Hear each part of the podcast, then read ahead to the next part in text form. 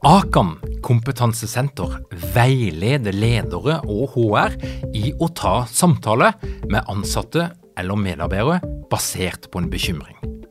Akan setter ledere og medarbeidere i stand til å forebygge og håndtere en problematisk bruk av alkohol, narkotika, legemidler, spill eller doping blant ansatte.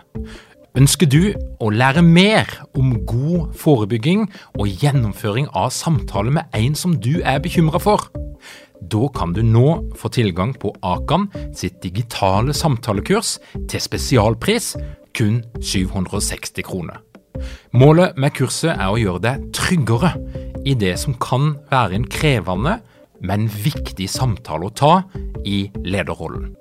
Du får tilgang til kurset med å gå til samtalekurs.no, samtalekurs.no, og bruke kampanjekoden LEDERPODDEN. Tilbudet gjelder ut april.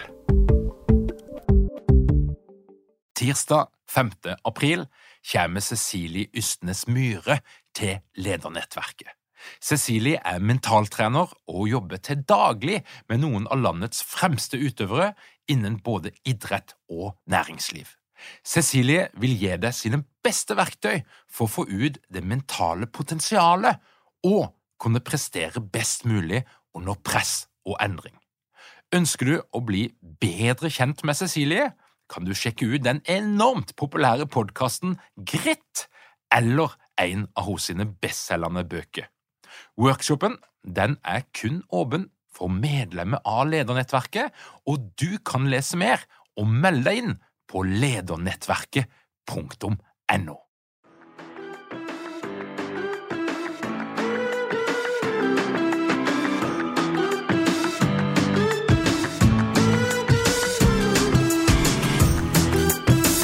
Velkommen til Lederpodden. Mitt navn er Tor Åge Eikerapen. Jeg jobber som organisasjonspsykolog, og dette her er en podkast om ledelse. Et gjentagende tema i arbeidslivet post covid 2022, kanskje, det er balanse.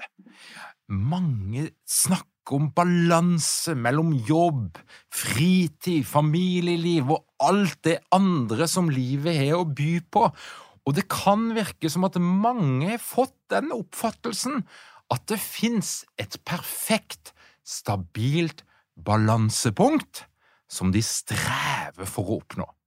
Men er det egentlig mulig å leve et meningsfullt liv i total balanse?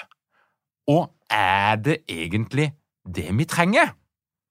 Forfatter, foredragsholder, rådgiver og isbader Cecilie Tunem Sånum hun skrev nylig en tekst om akkurat dette her på sin blogg. Og jeg følte umiddelbart at denne teksten traff noe viktig, og derfor så fikk jeg lyst til å dele Cecilies tanke med deg, kjære lytter. Og da må jeg jo bare si velkommen tilbake til Lederpodden, Cecilie. Tusen takk, så hyggelig for å være her. Cecilie, du er jo kjent som eh, ei dame som i eh, mange år har, jobba med å hjelpe folk og organisasjoner med tidsstyring, prioritering Altså prioritere de viktige tingene her i livet, og, og at, at vi bruker tida vår mest mulig fornuftig. Og så, og så skriver du i det siste blogginnlegget, som jeg ble veldig glad når jeg leste, så, så skriver du altså at du vil slå et slag for ubalansen. Litt sånn det kaoset som, som, livet kan være. Fortell, Cecilie, hva har skjedd? Ja, takk skal du ha, Tor Åge. Hva har skjedd? Eh, det som har skjedd, er at jeg opplever enormt mange HR-avdelinger, ledere, som de siste månedene spesielt har etterspurt akkurat dette her. At kan du hjelpe oss med å finne balansen? Kan du hjelpe medarbeiderne med å finne en bedre balanse? Eh, og mitt budskap er at eh, glem å bruke tid og energi på å strebe etter den balansen. Den kommer ikke, og når den kommer, så nyt den i de korte øyeblikkene den er der, for den kommer ikke til å vare. Det er nesten utopisk å drive og, og jage på den. Mm. Og det er jo interessant, da, for jeg opplever noe av det samme som deg. Altså at vi har et ideal. Vi tror faktisk at det er mulig å liksom designe livet sånn at det er forutsigbart, sånn at det er den perfekte Dette her er vippepunktet. Men, men, men hvor kommer den ideen ifra, egentlig, Cecilie? For du hører jo dette her, da. Du, altså, du, du møter jo da ganske mange folk som, som spør deg etter den fasiten som de tror fins. Hvor kommer denne ideen ifra? Ja, Der kan sikkert du svare enda bedre enn meg, du som er psykolog. Men jeg kan gjøre et forsøk. Jeg tror det er et par ting, eller to ting helt konkret, um, hvis jeg skal filosofere litt. Det ene det tror jeg ligger dypt i oss, altså i urinstinktet vårt. For jeg tror vi var balansert en gang eh, for, noen, eh, for mange, mange år siden. Før vi konstruerte faktor nummer to, nemlig dette presset, altså den moderne tiden vår hvor det er synlig hva alle andre får til, Eh, vi har så mange kanaler, vi har så mange konstruerte aktiviteter eh, som gjør at eh, vi føler et indre og ytre press som jeg tror våre forfedre kanskje ikke hadde på samme måte. Bare de hadde jakta nok og fiska nok og fått mat, og mm. så, så fulgte de en annen rytme enn det vi gjør. Og jeg tror det er det behovet som ligger dypt i oss, para med at alle andre ser ut til å få til så mye. Mm. Ja, for det er, jo det, det er jo det, vi ser. altså Når vi kikker på, på, om det er sosiale medier eller hva det er for noe, så er det, jo, det er jo mye som ser ut som balanse på utsida. Men vi vet jo ikke helt hva som skjer i de livene. Nei, det er akkurat det. Og det har jo vært veldig i tiden å dele alt man ikke får til. Det er enkelte som syns det er veldig gøy. Og det er ikke det det handler om. Det handler mer om å innse for seg selv hva vil jeg være god på, og eh, hvordan skal jeg klare å få til de tingene. Eh, og så nyte oppturene, tåle nedturene og lage seg noen gode, faste rutiner, du, altså et rammeverk nesten, som du kan bygge resten av eh, hverdagslivet rundt. Mm. Og jeg tenker at De siste par årene har jo satt dette her litt på, på spissen. Da, og, mm. og med det er jo dette felles at vi begge jobber for oss sjøl, såkalt solotreprenører, eller hva en skal kalle det for noe. Men, men, vi er litt sånn utenfor noen store strukturer. da.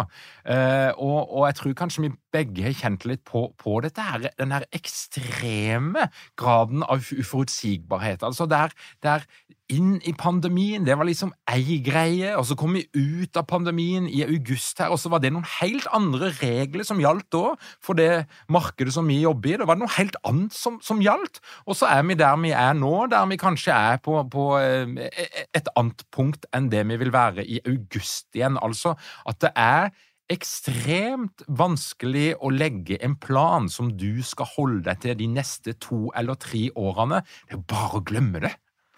Ja, og det tror jeg gjelder for veldig mange flere enn bare dermed.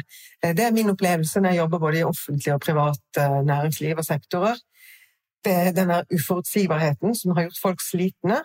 Og når de da prøver nå å finne forutsigbarhet, så gjelder det, mener jeg, å finne det i disse mikrotingene. Altså i hverdagen din, i frokosten din, i når du logger av på jobb, eller hvilke oppgaver du prioriterer, framfor å forsøke å se for langt fram. Du kan ha noen mål og visjoner og hva du tror kommer til å skje, men jeg tror det er på tide å ta det litt ned på mikronivå frivillig, for nå har vi gjort det ufrivillig. Vi har ikke hatt noe valg.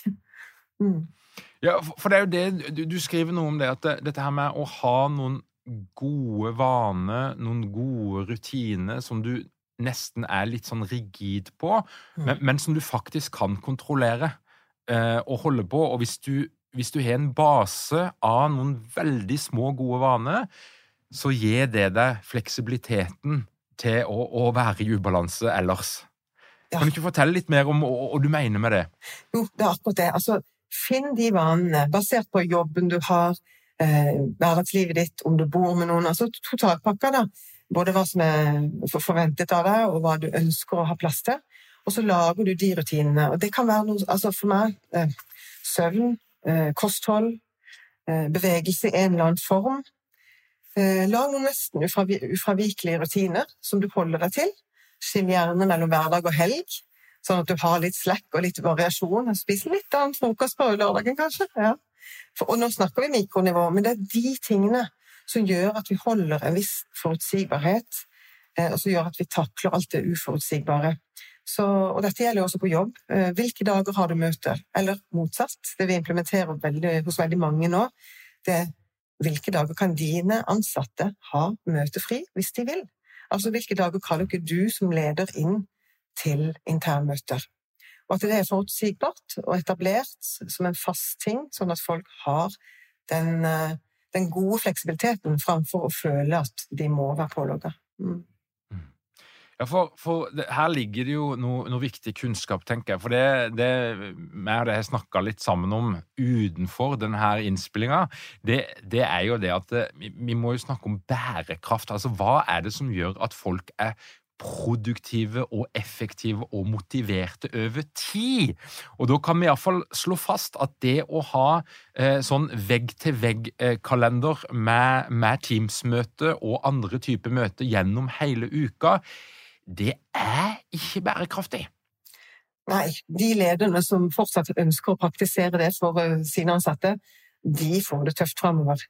Eh, nå er det enda større krav til en leder på å gi folk frihet, eh, men at de har som sagt disse rammene, disse knaggene som gjør at friheten er reell og ekte.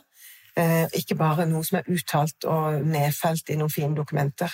Så det er jo utfordringen her, å gjøre teori om til praksis. Eh, sånn at folk faktisk føler at de kan lede seg selv litt også. Mm. Men, men, så sier du at, eh, altså at, eh, folk er jo litt sånn ulike i, i og gode til å lede seg sjøl. Og jeg tror at ut, mange, spesielt som er litt karriereorienterte, da, de vil jo være flinke. Mm. Og, og, det er jo fremdeles sånn i samfunnet vårt at en full kalender det er nærmest et statussymbol. Det å svare på e-post til en hvilken som helst tid på døgnet er et statussymbol. Det forteller noe om at du er viktig, at du er flink, at du mm. fortjener en forfremmelse. Og jeg er jo litt sånn, jeg lurer jo litt på klarer folk denne autonomien. da? Klarer folk å styre dette her sjøl, eller er det en leders og en virksomhets ansvar å rett og slett blokkere noen kalenderdager eller noen perioder, eller, eller hvordan skal vi tenke rundt dette her? Jeg tenker at lederens store ansvar det er å ha en forutsigbarhet på når lederen er tilgjengelig. Så jeg tenker at uh, ha faste tider hvor du er tilgjengelig for din ansatte. Uh, følg opp med kontakt, unngå kontroll. Det er en stor forskjell på kontakt og kontroll. Uh, og så la de ansatte få velge, for det er så stor forskjell på Noen vil få jobbe i fred et par dager i uka og ikke ha noe innblanding. Andre vil gjerne ha litt sånn gjeting, eh, som du er inne på, og retningslinjer, og trenger det også. Men for de aller fleste, så lenge de vet når lederen er tilgjengelig, det er den store utfordringen. Så tenker at mange vil sette pris på den ekte friheten Eh, og det er det som er utfordringen nå, eh, og som jeg jobber med med flere store aktører. Det at de har en teoretisk frihet, men i praksis så klarer ikke folk å logge av eller å sette grenser. Mm. Ja, for der er vi jo dårlige. Og det altså, ja, autonomi og frislepp er bra, men problemet er jo at veldig mange klarer ikke å styre seg sjøl. Så isteden så blir du rett og slett din egen slave. Ja, og da har jeg et tips, ehm, eller sikkert flere, men i hvert fall dette med selvpålagte tidsfrister. Så kan du være din egen slave i en time, ikke en hel dag eller en hel uke. Eh, det funker utrolig bra, for det, altså struktur krever jo at du er disiplinert, at du bestemmer deg. Litt som jeg sa med de ufravikelige rutinene, om det så er treningsøkta eller gåturen din, eller hva du spiser, eller når du legger deg. Ehm, når du starter på jobben, hvis du skal ha f.eks. hjemmekontor, og glem som sagt full balanse, men du kan jobbe i ubalanse. Du kan si at eh, fra ni til ti, klokka ni presis, så begynner jeg på den oppgaven, og eh, klokka ti så gjør jeg noe annet. Og da er kunsten å ikke si ja, ja, jeg kan jo holde på til to over ti, eller to over ni. Nei, nei, nei, det kan du ikke. Det er det som er struktur, det er å klare å ikke være fleksibel når du først har lagt en tidsfrist for deg selv, som om det var et møte med en annen. Og så kan du heller før lunsj eller etter lunsj ha elastisk tid. At du lar ting skli ut, tar litt mailer, eh, svarer på adhoc-ting. Mm. mm. Får du variasjon. Og dette her er jo selvledelse i praksis, det du snakker om nå. Det er dette her som er kjernen av moderne selvledelse, tenker jeg, langt på mm. vei. Mm. Noe av det som du, du skriver om, det, det, er jo litt at du, du, zoomer ut, og så snakker du om eh, året. At vi bør ta en kikk på året eller halvåret, og akseptere at der kan det godt være litt variasjon. Og jeg vet at du er veldig flink til å praktisere dette her i ditt eget liv. Eh, og så er det sikkert noen som sitter i stillinger der det er litt mindre frihet til å, å, å kunne gjøre det på den måten. Men, men fortell hva du, hva du, tenker med dette her med å, å, liksom ja, og egentlig sesonginndele nesten året litt? Ja, nå skal jeg være litt brutal og si at de aller fleste jeg jobber med, om du jobber med salg eller, altså, eller som ledelse, de har større påvirkningskraft på egen tidsbruk. Har dere mange ledere uten trening eller utdannelse innen ledelse? Mangler dere en felles kultur og praksis for ledelse? Ønsker du kunne være bedre rustet for fremtidig vekst og endring? Da kan et internt lederutviklingsprogram være en god investering. I Execu er vi eksperter på å designe og gjennomføre bedriftsinterne lederutviklingsprogram. Hvis du ønsker å lære mer om hvordan vi kan hjelpe dykken til å få enda bedre ledere, ta og klikk deg inn på execu.no.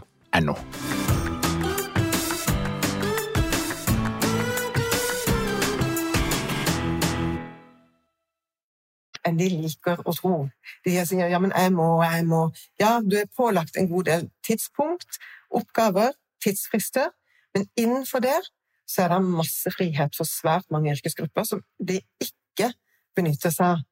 Um, og da tenker jeg litt på f.eks. hvordan du styrer dagen når du ikke har møter.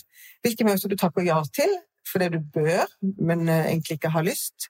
Uh, hvor det hadde vært helt greit at du ikke stilte Um, og så tenker du kanskje, når du spør meg, så tenker du kanskje også på dette med litt sånn ulik takt og tempo. De, veldig mange yrker har jo sesonger, enten dager i uka eller uker i måneden eller måneder i året, eh, som det er større trøkk på. Regnskapsmedarbeideren når de skal kjøre lønn eller feriepenger eller årsregnskap osv. Um, bruk det som en positiv ting at det svinger litt.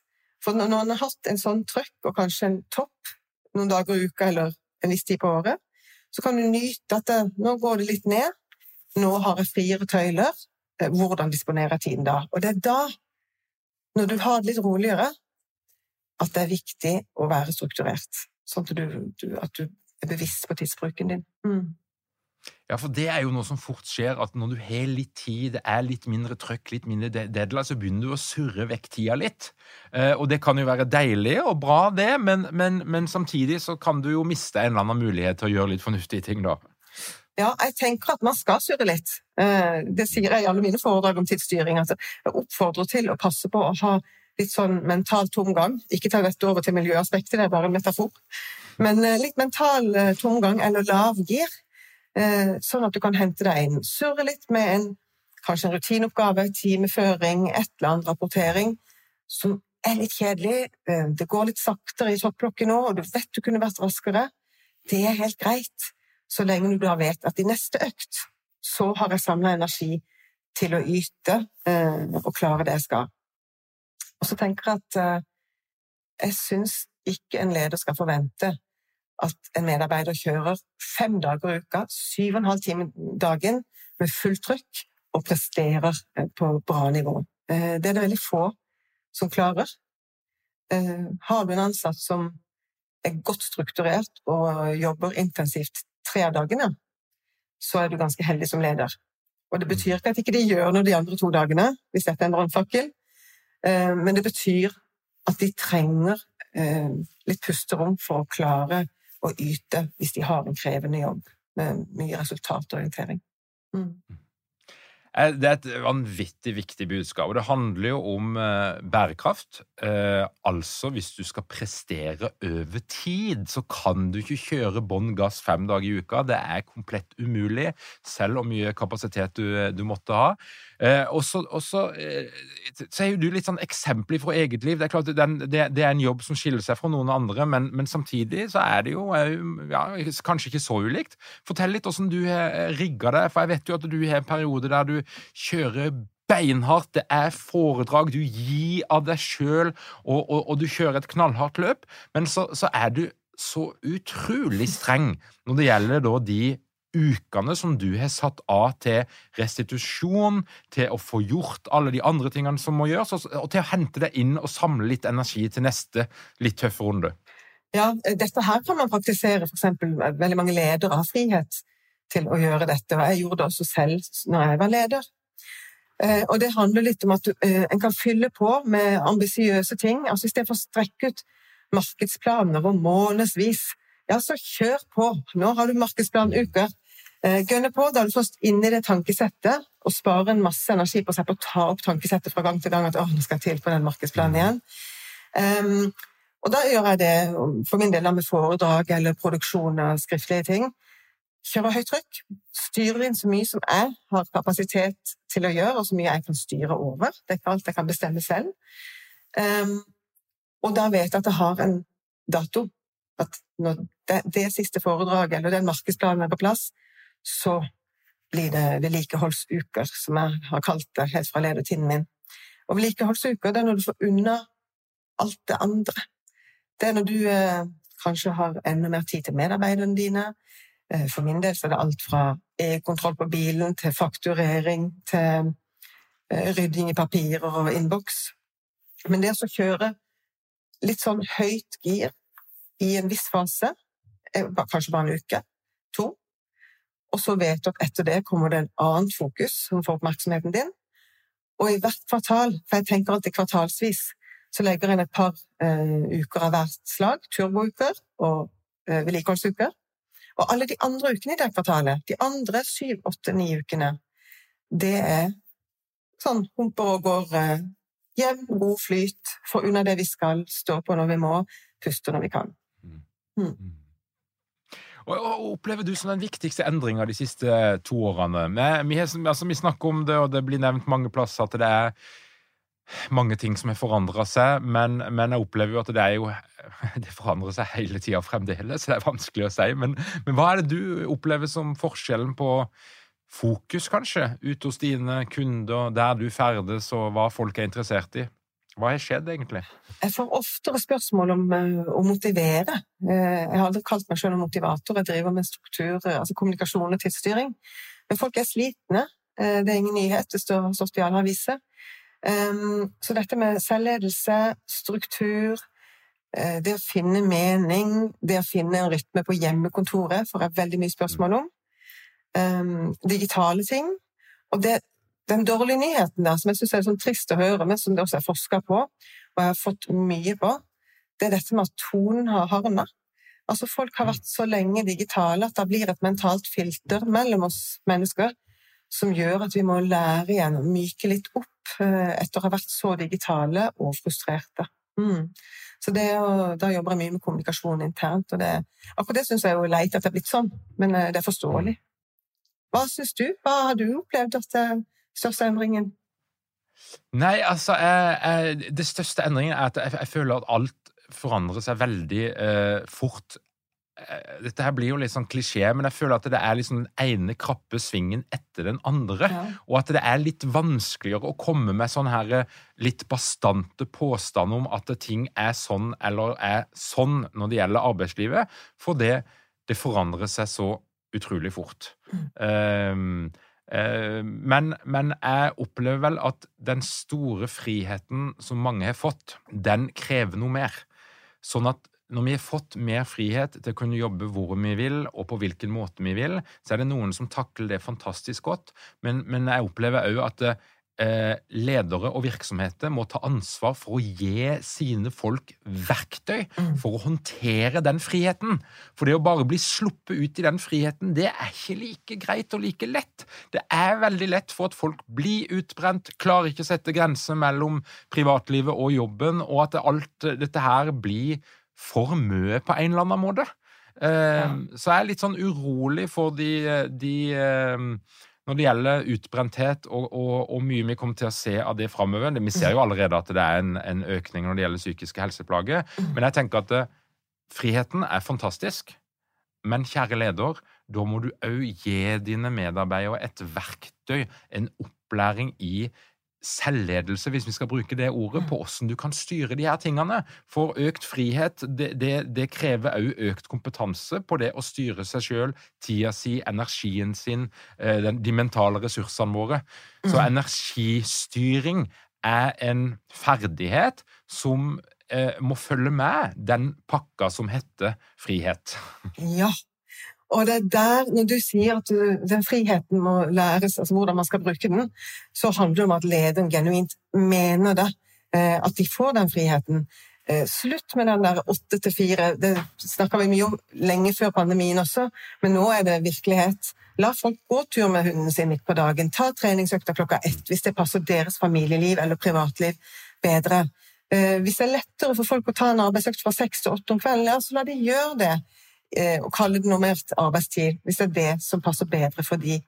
Eh, og så er det jo den uforutsigbarheten du snakker om. Det er der vi kommer inn med dette her balanse-ubalanse.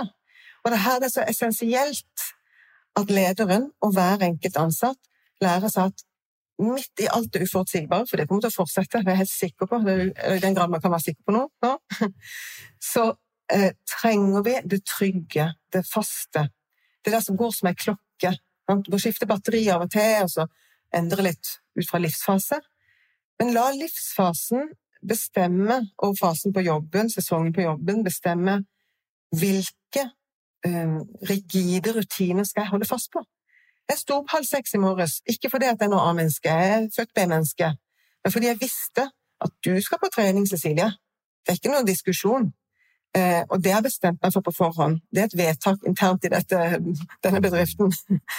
eh, og det handler om den der forutsigbarheten. Og det er de samme menneskene på det treningssenteret som det var i går. På den samme timen klokka kvart på sju. Ja? Eh, og jeg blir retta på de samme tingene med den samme instruktøren. Det er forutsigbart. Det trenger alle mennesker. De trenger å ha de hundene og gå tur, ja vel, så går det kanskje bare to forskjellige runder. Den samme runden, den samme kjøttmeisen i treet som det var i fjor på denne tida. Eh, vi trenger å se at fokusen spirer. Så leit etter de faste strukturene, det som ikke forandrer seg, og det som du kan bestemme over. Det ble en liten tale her, men det, men det eh, sånn for mental helse sin skyld, dette kan du mer om enn meg, eh, det er det som skal til. Ha de det der rammeverket. Mm. Helt nydelig, Cecilie. Det er vel talt. Altså, skap deg sjøl forutsigbarhet i ei uforutsigbar tid gjennom de her gode vanene. Og det er jo helt grunnleggende ting som vi alle trenger, men som allikevel er lett å glemme hvis ikke du har lagd en vane som tvinger deg. For hvis du hver dag skal stå opp og vurdere skal jeg gjøre det eller skal jeg gjøre det, Uh -uh, det har vi ikke mental kapasitet til. Da bruker du opp all viljestyrken på den vurderinga. Det må ikke være noe tenking. Det må bare være 'gjør det'. Ja, og det er så lett å si når vi står her. Eh, I praksis har jeg et tips på det eh, for å få det til å funke i virkeligheten. Eh, for vi bommer jo. Det hender at jeg ikke står opp halv seks når jeg skulle. Og da er psykologien bak dette her at du kan bryte rutinen din en morgen men ikke to. Eller en ettermiddag, ikke to. Eh, får du tur med hunden hver dag klokka sånn, eller spiser du lunsj klokka elleve hver dag, og så bryter du det én dag, greit. Da har du ikke brutt det, da har du hatt en pause. Men bryter du det to ganger på rad, uansett hva rutinen er, så har du ødelagt rutinen. Så mm. en gang er lov, klapp deg sjøl på skuldra, opp igjen på hesten i morgen, og så eh, kjører du rutinen din igjen. Så lenge den fungerer. Tusen takk, Cecilie. Nå har jo du hjulpet meg med å opprettholde min rutine, og det er jo å lage en podkastepisode hver eneste uke. Never break the streak, som uh, han her Mr. Seinfeld uh, sa. Han skriver jo en vits hver dag. Stemmer det. Cecilie, utrolig fint å prate med deg. Dette her er viktige tema, og jeg tror vi kommer til å komme tilbake til det òg. Men tusen hjertelig takk for at du tok deg tida, og takk for at du deler på så mange kanaler. Blogginnlegg, og du skriver i aviser og alt mulig. Det er en fryd å følge med på deg, så det håper jeg at mange andre òg benytter anledninga til å gjøre. Ceciliets.no er stedet der du finner alt dette gullet. Tusen takk, Tor Åge, både for at jeg får være gjesten din, og for alle de fine podkastene jeg får høre på. Takk skal du ha. Og til deg som hører på, Tusen takk for at du hører på Lederpodden. Hvis du ønsker å få med deg alt det vi holder på med i vårt digitale lederunivers, som òg er litt fysisk av og til, så gjenger du inn på lederpodden.no. Og hvis du har lyst til å lære mer om mange av de tingene som vi snakker om på Lederpodden, ja, da er stedet Ledernettverket, og du finner alt du trenger å vite om det på ledernettverket.no. Da er det bare å si takk igjen for at du hører på Lederpodden. Det er jeg veldig glad for, og vi høres igjen om ei ukes tid.